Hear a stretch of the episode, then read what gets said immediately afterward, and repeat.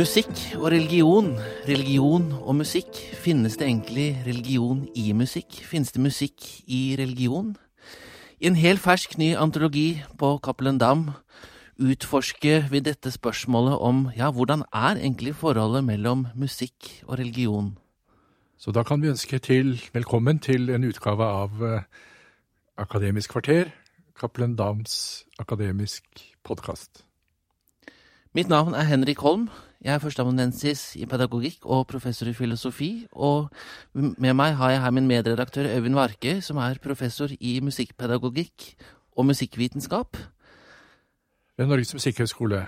Og jeg ved Oslo OsloMet og Steinerhøgskolen. Ja, og jeg har også en liten professor to-stilling i musikk ved Oslo OsloMet. Musikk og religion. Jeg har alltid hatt følelsen av, siden jeg var, fra jeg var barn, at ja, i begge deler så kommer man inn i en slags flytsone, og dette er noe som har interessert meg egentlig hele livet. Musikken tar en med på noen bevegelser, fører en til noe, ja, til et sted man ikke helt vet selv hvor man ender opp når man lytter til musikk, og noe av det samme har jeg skjønt eh, er veldig viktig i religion. Man overskrider seg selv hen imot noe. Men det er jo alltid spørsmålet, ja, hvor blir man ført hen? Fins det en sammenheng mellom musikk og religion? Kan man si at musikk fører til religion, eller kan man si at religion fører til musikk? Dette er jo, et, dette er jo store spørsmål som går inn i ulike typer musikalske uttrykk og ulike typer religiøse uttrykk. Men kan man allikevel prøve å si noe litt allment, hva tror du Øyvind, om nettopp dette forholdet? Ja, er det noe i musikken som fører til religion, og er det noe i religionen som fører til musikk. Hva, hva, har du tenkt om dette her? Det er ikke så lett å svare kort på. Um, jeg har tenkt om det i mange år. Uh, og i 2004 så redigerte jeg antologi også på Cappelen Akademisk uh, som het Musikk og mysterium, den gangen sammen med Erling Gulbrandsen.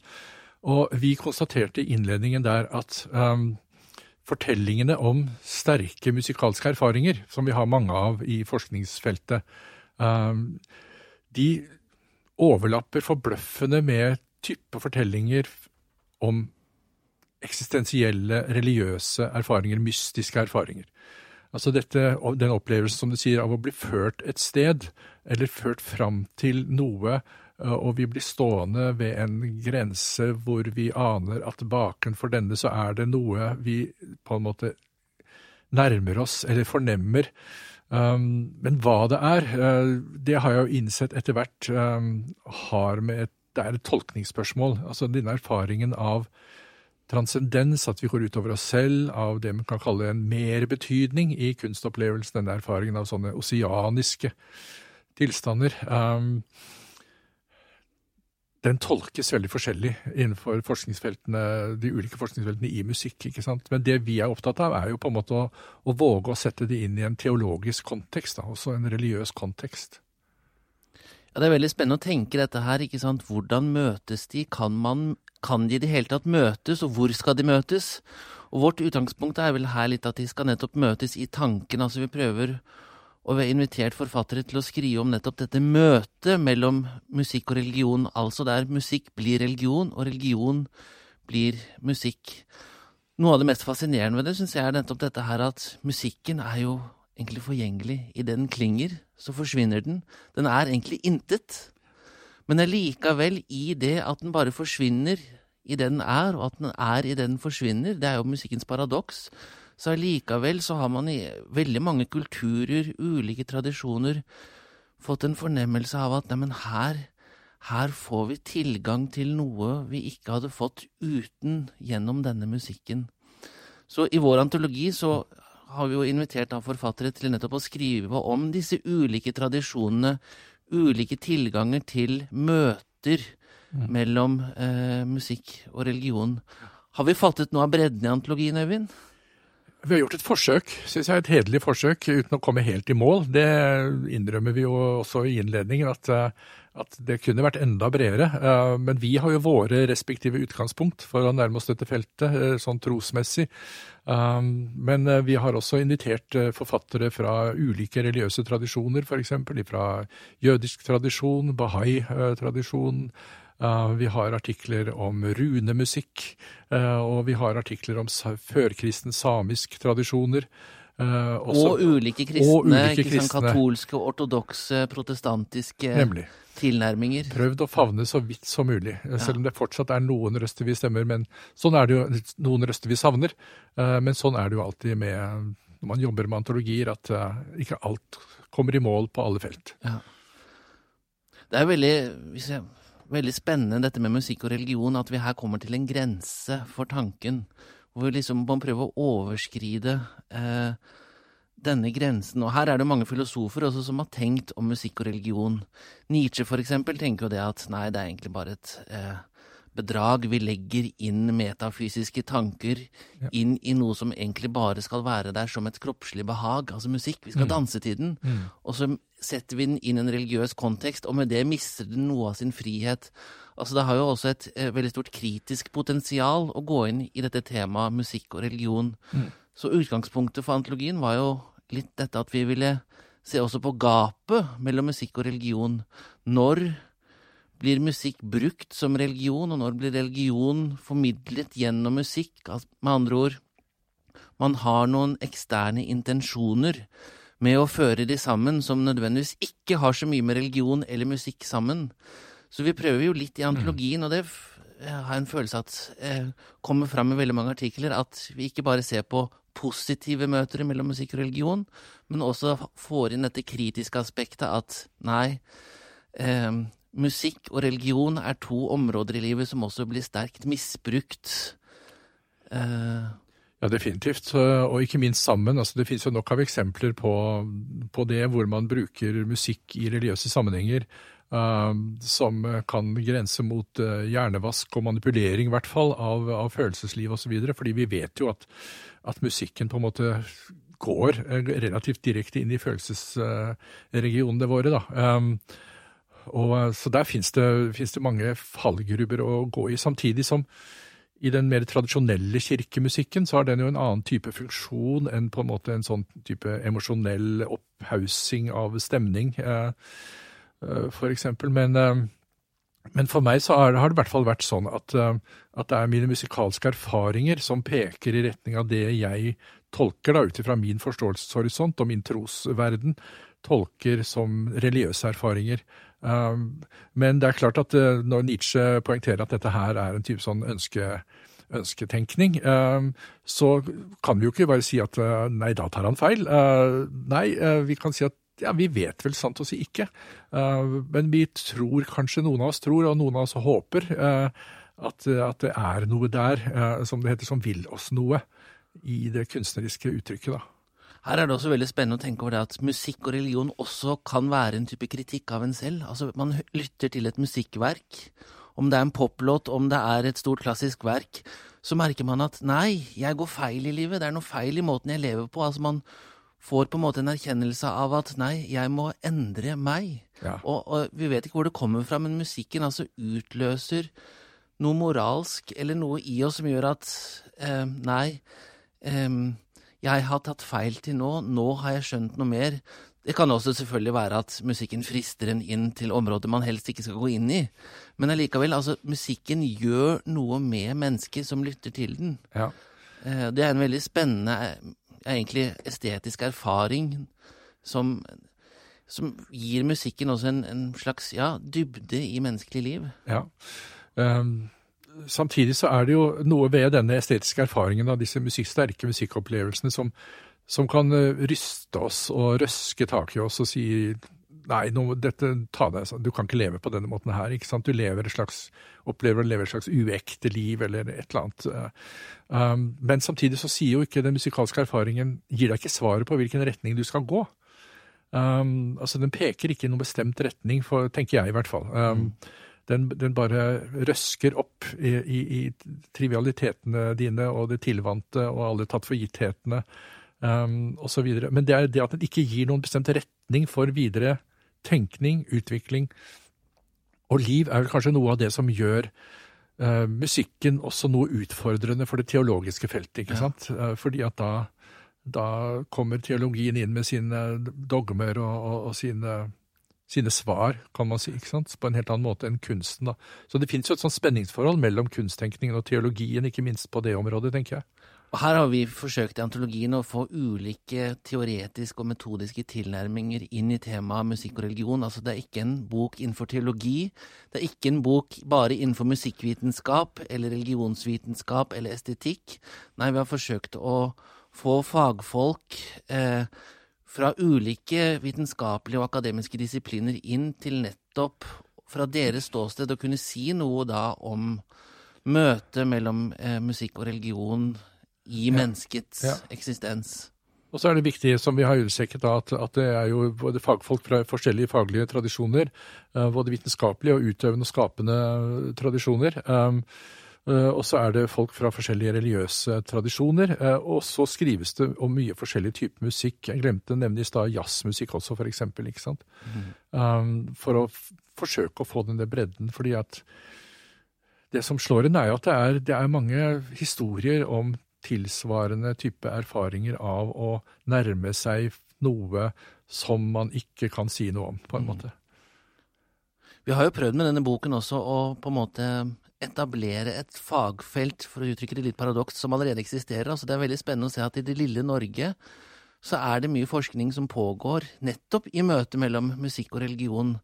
Så det er her vi håper litt på at antologien liksom skal ja, etablere nettopp dette fagfeltet hvor man kan møtes fra ulike typer akademiske miljøer og perspektiver på et ufattelig interessant eh, tema, som egentlig også har vært gjenstand for, for filosofisk tenkning helt fra antikken. Altså, hva er det musikken som gjør at vi opplever det vi hører som en metafysisk erfaring? Og hvorfor er religion noe som egentlig ja, streber mot å uttrykke seg musikalsk? Eh, det er jo et fellestrekk i veldig mange kulturelle eller, kulturer og tradisjoner i menneskets historie. Mm. Så nettopp å få tak i den kontekstualiseringen av spørsmålet, eh, musikk og religion, eh, har vi tenkt er veldig viktig i antologien, så det ikke bare blir et abstrakt spørsmål. Ja. Hvordan kan de møtes? Men nei, det er møtet er forankret allerede der, i ulike kulturer og tradisjoner. Mm. Men uh, Henrik, hva, hva, tenker du i retning av når du sier at musikken også streber mot Nei, religionen streber mot musikken, på en måte. Uh, kan du utdype det litt? Altså, jeg tenker at eh, er man troende, er man religiøs, tar man del i en kult, så, så, så, så, er det noe ved troen som vil uttrykke seg sanselig. Og da kommer musikken på en måte i møte. Man for eksempel, man, man, snakker ikke bare, men man vil synge. Altså Sang har vært et kjempeviktig element, ja, spesielt av jødisk og kristen musikktradisjon. Um, ja, så man vil på en måte uttrykke seg musikalsk. Man vil ja, ikke bare si 'jeg tror på Gud', men man vil lovprise Gud med sang. Da kommer jo musikken inn som på en måte et innslag som ja. gjør det naturlig å bruke musikk som en religiøs ytring. Ja. Men så har vi jo omvendt, at jeg kan lytte til et lite klaververk av Robert Schumann og tenke at neimen, her, her er det noe mer enn bare et lite klaververk. Her er det religion eh, ja. som kommer til uttrykk. Så ja, det er liksom de hører sammen på en eller annen måte, selv om man må selvfølgelig på, på et akademisk vis eh, se det kritisk, hvordan de møtes. Så mm. er det en, et eller annet berøringspunkt her ja. som jeg syns gjør det veldig interessant å nettopp gå inn i. Ja. Og Spesielt interessant syns jeg det er når det gjelder det vi kan kalle instrumentalmusikk. da, ikke sant? Mm. Altså musikk uten ord, uten tekst. I, I, mange religiøse sammenhenger så er det jo sang det er snakk om. ikke sant? Uh, uh, og da har vi jo i hvert fall innenfor den kristne tradisjonen en, en masse litteratur på, og tenkning omkring hvordan på en måte musikken er en slags type pedagogisk hjelpemiddel ikke sant, til å innlære kristne trossetninger og god moral osv. I, i salmer og sanger gjerne hører, som det het i gamle dager. um, men instrumentalmusikken har man jo da litt større utfordringer med. ikke sant? Og det er kanskje det som jeg for min del syns er et spennende punkt å gå inn i. Um, hvor uh, på en måte ordene slutter. Og, og, da kan vi også trekke linjen helt tilbake til Augustin, selvfølgelig, og dette jubilusfenomenet som som han diskuterer. Altså når, når uh, den ordløse sang, den ordløse lovsangen, når ordene kommer til kort, på en måte, så åpner han for den ordløse tilbedelsen og lovprisingen av, av Gud. Da? Samtidig som han er bekymret over seg, sin egen tendens til å glemme å lytte til ordenes innhold av og til, for han blir så begeistret for melodiens sødme, som han sier. Her tror jeg du er inne på noe veldig spennende, Øyvind. Nettopp dette her at musikk og religion møtes i språket. Altså, musikken er jo ikke språk. Altså, Nå tenker jeg da på instrumentalmusikken, men allikevel så har den, som eh, Adorno sier, en, språklikhet ved seg. Den uttrykker seg på en måte som bare den kan gjøre. Og den er på en måte et eget språk som gjør at vi ikke kan oversette det til et annet språk, men vi kan prøve med hjelp av ja, et filosofisk språk, eller hverdagsspråk for den saks skyld, å tilnærme oss det. Men ja, det er noe i musikken som på en måte eh, gir liv til også våre språkevner, fordi den selv har en språklikhet i seg. Og her har man jo da helt fra antikken tenkt ikke sant, musikk og logos, altså musikkens logos. Mm. Logosentriske, det fornuftige, språket, meningsbærende, som noe som ja, får et uttrykk gjennom klang. Gjennom strukturert klang, eh, som musikken er.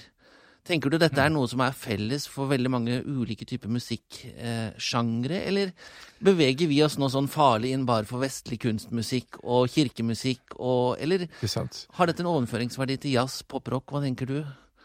Altså jeg tenker at det er klart, Instrumentalmusikken har jo en stor plass innenfor den vestlige kunstmusikken. ikke sant? Innenfor kirkemusikken så har du da orgelmusikken, stort sett, vi, vi snakker om ofte. Instrumentalmusikken i gudstjenester og messer, men um, ellers har du salmesangen. Men innenfor populærkulturen, så er jo, innenfor pop og rock, så er det ofte tekster forbundet med, med, med musikken. ikke sant? Mens innenfor jazz igjen, innenfor folkemusikk, andre typer tradisjoner, så har du selvsagt det rene musikalske uttrykket, um, som er spennende å, gå inn i. Uh, selv om jeg også syns det er spennende å gå inn i, i populære musikalske uttrykk og, og, se nettopp på en, en låt da, som et kunstverk som er en, annen, en annen type karakter enn et rent musikkstykke. ikke sant? Det er ikke ren poesi, det er ikke ren musikk, men det er en type egen, egen, form for kunstverk som kan uttrykke seg både gjennom ord og musikk, ikke sant. Det er jo det du gjør i din uh, artikkel om Leonard Cohen i antologien. Ja, for eksempel. Han er jo et uh, typisk eksempel på det, ikke sant, hvor man kan gå inn og analysere tekster, og det har jo veldig mange gjort. Norske litteraturforskere og forfattere og litterater.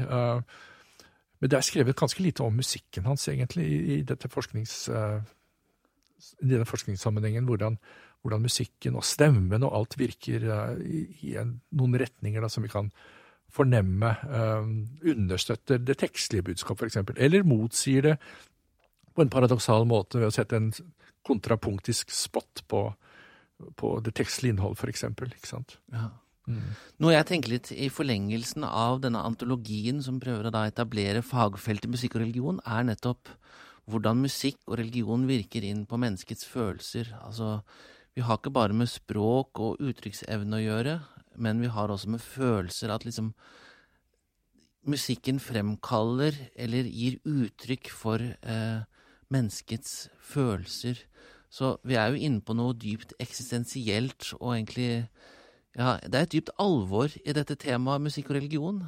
Ja, og, og, og det er i hvert fall en utfordring til oss musikkforskere, som, som egentlig kanskje arbeider, skriver, tenker lite om musikk og følelser og musikk og det eksistensielle. Vi holder oss liksom på yttersiden, kan man si. Vi snakker, vi snakker om eh, håndverk, vi snakker om tekniske ferdigheter og osv. Men, men det som folk flest, da, for å bruke et populært uttrykk, ja, det forholdet folk flest har til musikk, er jo nettopp emosjonelt. Og jeg vil våge også å si eksistensielt, mer enn det vi eh, tror. Uh, I de mest varierende musikalske uttrykk så finner man folk som har eksistensielle erfaringer knyttet til dette, altså. Takk for praten, Øyvind. Dere har nå hørt en episode av Akademisk kvarter, en podkast av Cappelen Dam Akademisk. Boken Musikk og religion er gratis tilgjengelig på nett og kan også bestilles i printutgave. God lektyre.